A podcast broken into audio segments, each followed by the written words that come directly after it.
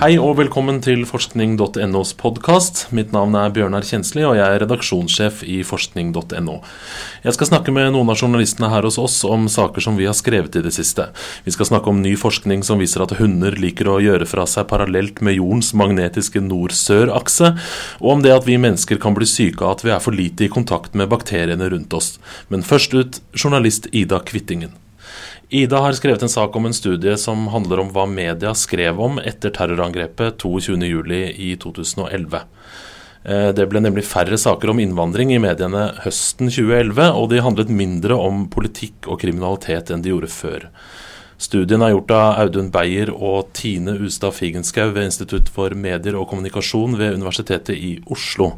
Hei, Ida. Eh, hva er det forskerne har gjort, og hvilke medier er det de har undersøkt? Forskerne har sett nærmere på nesten 3200 avisartikler og TV-innslag som handlet om innvandring eller folk med innvandrerbakgrunn. Og det er nyhetssaker fra VG, Aftenposten, Dagbladet, NRK og TV 2. Og hva fant forskerne? De fant at eh, sakene om innvandring og innvandrere endret seg etter terroren 22.07.2011. Før 22.07 så skrev avisene mer om det, og på disse to største TV-kanalene var det også flere innslag om innvandring og innvandrere. Det var ti saker hver dag før 22.07. Etter 22.07 var det sju saker om innvandring og innvandrere hver dag. Og innholdet i sakene endret seg også. Før så handlet de mer om kriminalitet blant innvandrere, mer om innvandringspolitikk. Etter 22.07 så var eh, sakene mer fokusert rundt andre spørsmål som eh, hva det vil si å være norsk, f.eks., og hvordan man skulle debattere temaer knyttet til innvandring. Mm. Har forskerne noen idé om eh, hva som eh, gjorde at redaksjonene rundt omkring da prioriterte annerledes, eller skrev mindre, lagde mindre innslag om, om innvandring? De vet ikke, for de har gjort en kvantitativ studie. Altså at de har telt hvor mange artikler som handlet om de forskjellige temaene. Og så har de sett på artiklene og hvem som uttalte seg. Men de har ikke undersøkt hvorfor. For da måtte de jo ha snakket med redaktører og journalister og, og gjort en helt annen type studie. Men Audun Beyer, den ene av de to forskerne, sier at han tror det kan være fordi det ble for kontroversielt å være kritisk til innvandring etter 22.07. Det var jo nettopp det terroristen Anders Behring Breivik var. Beyer tror at mediene syntes det ble vanskelig å ta opp dette rett etter de forferdelige hendelsene. Det forskerne har målt, det er eh, hvordan Fremskrittspartiet ble mindre offensive når det gjelder innvandringspolitikk etter 22.07. I stedet for å komme med utspill i mediene, så måtte Fremskrittspartiet forsvare seg og ta avstand fra terroristens synspunkter. Så det mener forskerne kan være tegn på at det ble vanskeligere å kritisere innvandring etter 22.07. Men Beyer sier også at han tror noe av årsaken kan være at mediene måtte jobbe så mye med saker som handlet om 22.07, at det ikke ble tid eller plass til å ta for seg like grundige saker om f.eks. innvandringspolitikk. Mm. Den Analysen av alle de eh, over 3000 sakene eh, viste også en annen ting. og det var at eh, I perioden etter terrorangrepet så ble det færre såkalte vanlige folk som uttalte seg i mediene. Kan du si litt om det? Ja, det ble flere eksperter, og det ble flere meninger. Eh, F.eks. ved at medienes egne kommentatorer eh, forklarte. Eh, det kan jo skyldes at det var et stort behov for å analysere terroren. Det var en hendelse som var så sjokkerende og vanskelig å forstå. Men da betød det også at det ble færre vanlige folk i mediene. Og også færre med innvandrerbakgrunn. Fordi folk med innvandrerbakgrunn snakker som oftest om hvordan de opplever det å ha innvandrerbakgrunn i Norge. Og mediene har dem ikke så ofte som ekspertkilder. Mm. Eh, disse endringene, altså færre saker om innvandring og, og, færre vanlige folk i mediene, har de kommet for å bli, eller var dette et blaff etter terroren? Ja, Det vet heller ikke forskerne, for de har bare studert mediene i 2011. Men Audun Beyer sier at han tror det nok er mye som er tilbake til sånn som det var i tida før 22.07. I hvert fall når det gjelder eh, temaene eh, i innvandringsstoffet. Det er nok et større rom for å diskutere innvandringspolitikk igjen nå.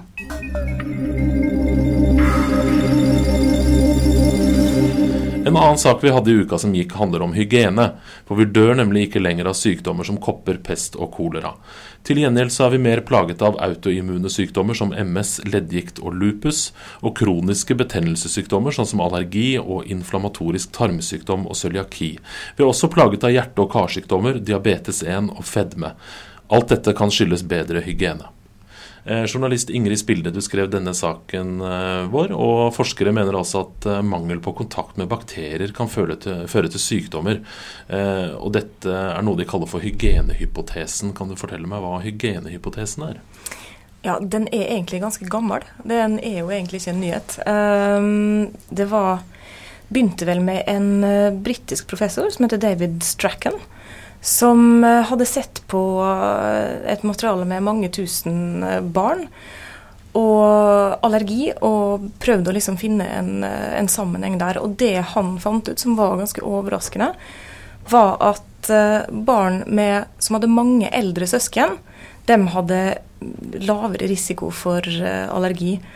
Og ja, det var sånn uventa, på en måte. Og han satt da og lurte på kan dette ha noe med infeksjoner i barndommen å gjøre. At et barn med mange søsken vil få bli utsatt for mange flere typer sånn, ja, forkjølelser og andre infeksjoner i løpet av barneårene enn uh, dem som har færre søsken. Mm. Og så formulerte han da den hypotesen om at for, altså for lite trimming av uh, immunforsvaret i barneårene kan uh, kanskje føre til andre sykdommer senere ved at uh, altså Det man kanskje tenker seg da, er at uh, immunforsvaret er veldig uferdig når vi, uh, når vi blir født.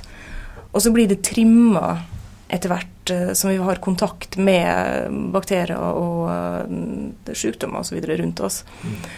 og at man på en måte trenger den kontakten med bakterier for å få eh, immunsystemet riktig kalibrert eller riktig, tuna. Mm. Og hvis man ikke får det, så får man kanskje et litt sånn et litt sånn løpsk eh, immunforsvar som eh, like gjerne kan gå til angrep på kroppen sine egne celler. Mm. Så det er altså sunt å være sjuk, holdt jeg på å si. Sunt å bli forkjøla og, og, få omgangssyke og få i seg bakterier. Ja, altså det, etter at han kommer det, Denne hypotesen kom jo på slutten av 80-tallet. Og etter det så har det kommet mange forskningsresultater som har pekt i den retningen, som har på en måte støtta litt opp under det. At uh, ja, man har sett at f.eks. barn som vokser opp på gård, uh, har lavere risiko for uh, allergi. Og andre sånne hint om at det kan være kontakt med bakterier som uh, At det kan spille en, en, stor rolle i dette her. Mm.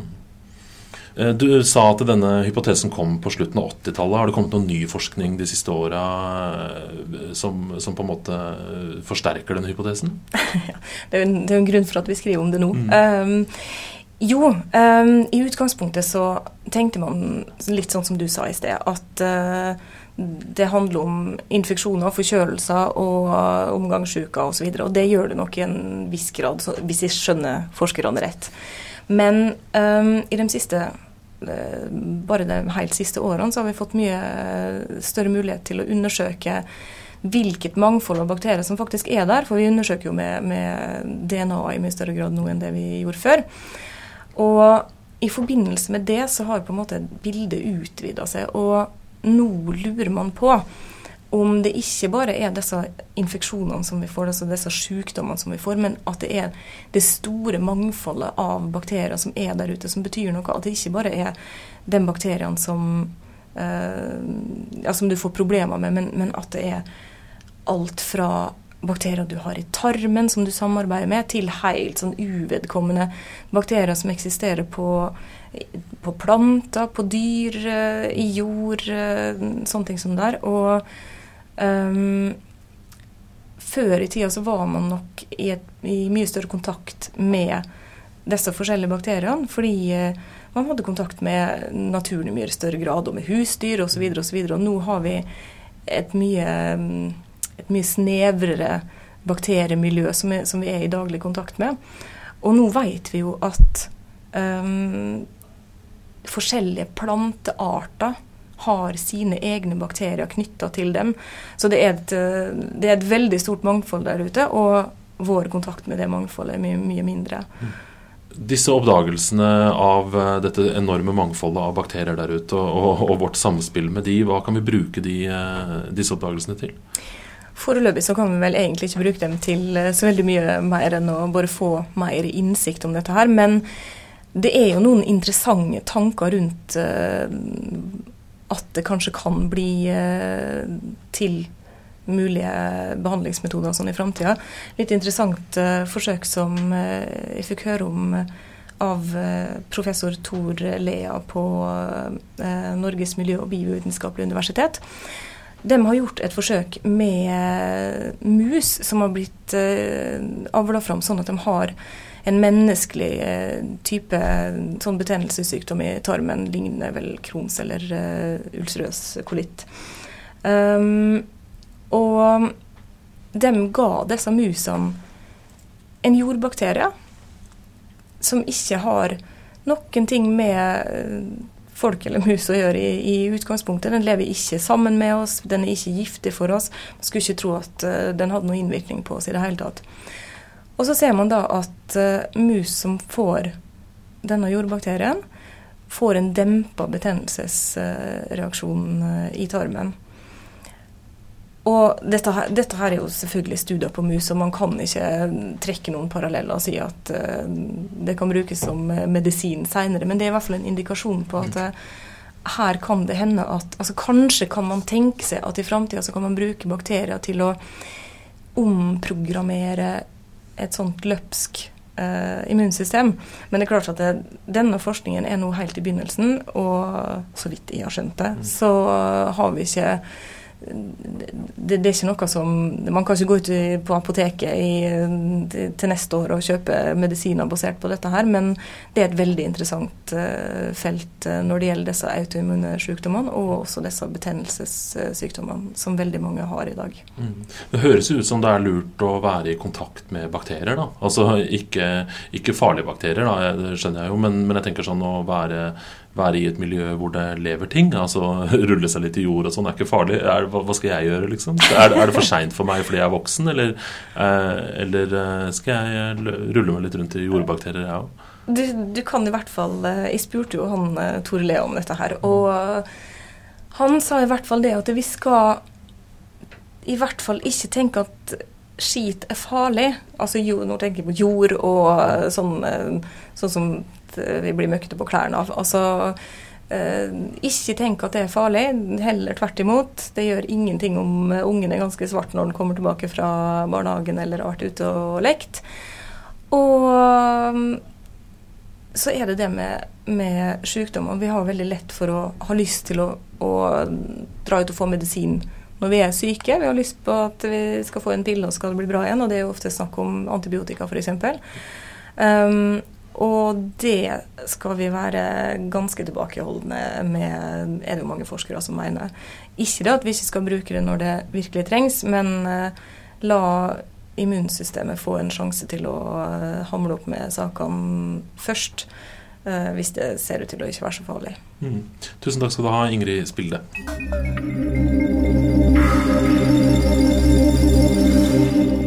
Hei igjen, eh, journalist Ida Kvittingen. I uka som gikk, så hadde vi også en sak om at hunder eh, faktisk gjør fra seg parallelt med jordens magnetfelt. Det høres rimelig spesielt ut. Kan du fortelle litt om hva forskerne har gjort, og hva de fant ut? Ja, dette er jo litt uvanlig forskning. Forskerne har nemlig brukt to år på å se på hunder som gjør fra seg. Og det de fant ut, det var at hundene av og til stiller seg opp langs nord-sør-aksen på jorda. Og Det kan skyldes at de orienterer seg etter jordas magnetfelt, mener forskerne.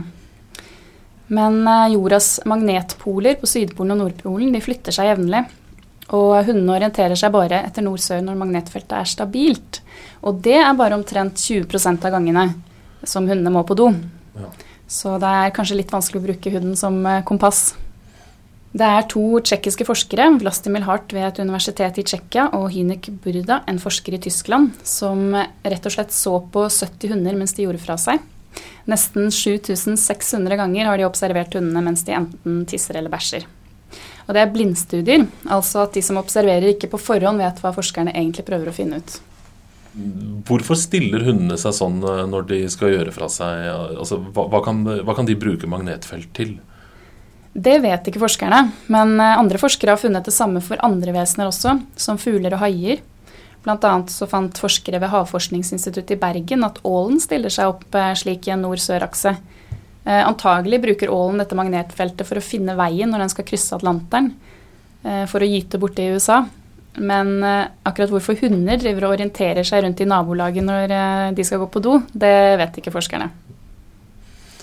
Høres jo rimelig merkelig ut, den studien her. Er det, hvor mye hold er det i den? Altså Det virker utrolig at hunder over hele verden skal på en måte stille seg i samme retning når de skal gjøre fra seg. Har den studien her noe sånn åpenbare svakheter, eller er det hold i det? Det er fare for at det er ganske mange svakheter ved studien, i hvert fall hvis vi skal tro noen andre forskere som tidligere har kritisert eh, Burda for å finne sammenhenger mellom dyrs oppførsel og jordas magnetfelt som de selv ikke fant. I 2008 brukte Yunek Burda, altså en av forskerne bak denne hundestudien, bilder fra Google Earth for å se hvordan kyr sto. Og jammen stilte ikke også kyrne seg opp på linje med jordas magnetfelt. Men da mente Lukas Jelinek, en annen tsjekkisk forsker, at det var bare tull. For han fant nemlig ikke dette da han prøvde å lete etter det samme mønsteret. Men Burda fikk støtte av en amerikansk forsker som så at Burdas bilder viste at det var et flertall av kyrne som sto parallelt med nord-sør-aksen. Så dette med at hunder orienterer seg etter jordas magnetfelt kan være riktig i noen tilfeller.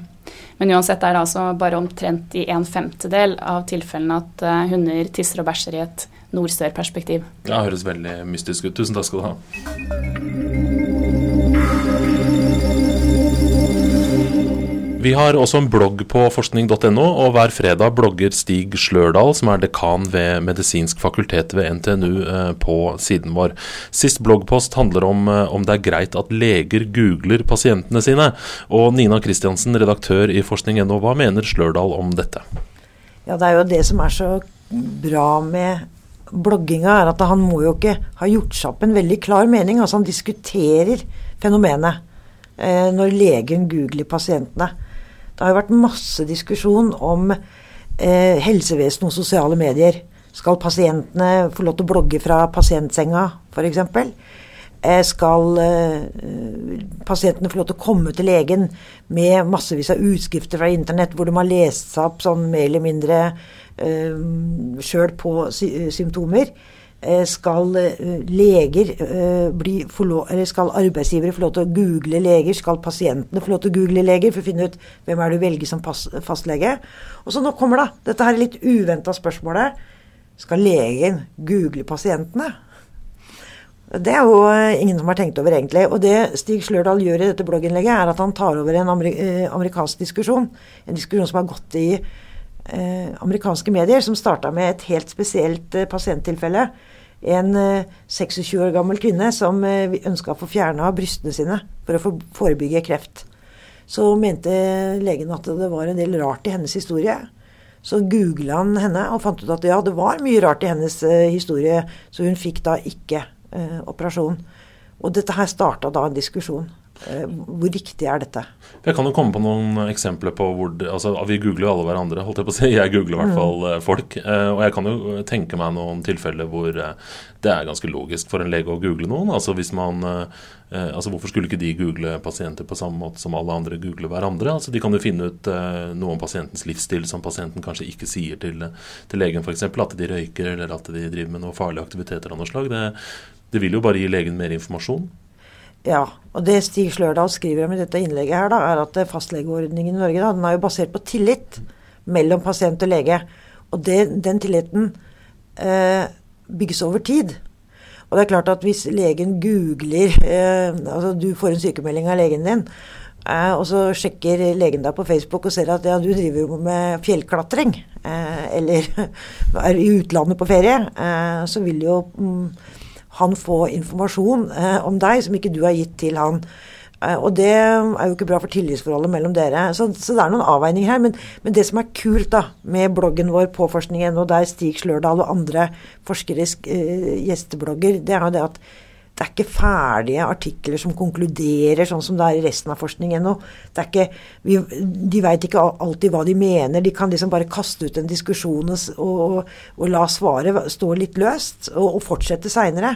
Og, Sånn sett så er bloggen spesiell. da. Vi har jo mange typer uh, forskere som blogger, og jeg syns det er litt kult. da. Det er liksom litt sånn ting som ikke er så ferdigbehandla fra forskerne. Mm. Blant annet dette her som er et helt nytt spørsmål som han da lanserer inn. Mm. Eh, tusen takk, redaktør Nina Kristiansen.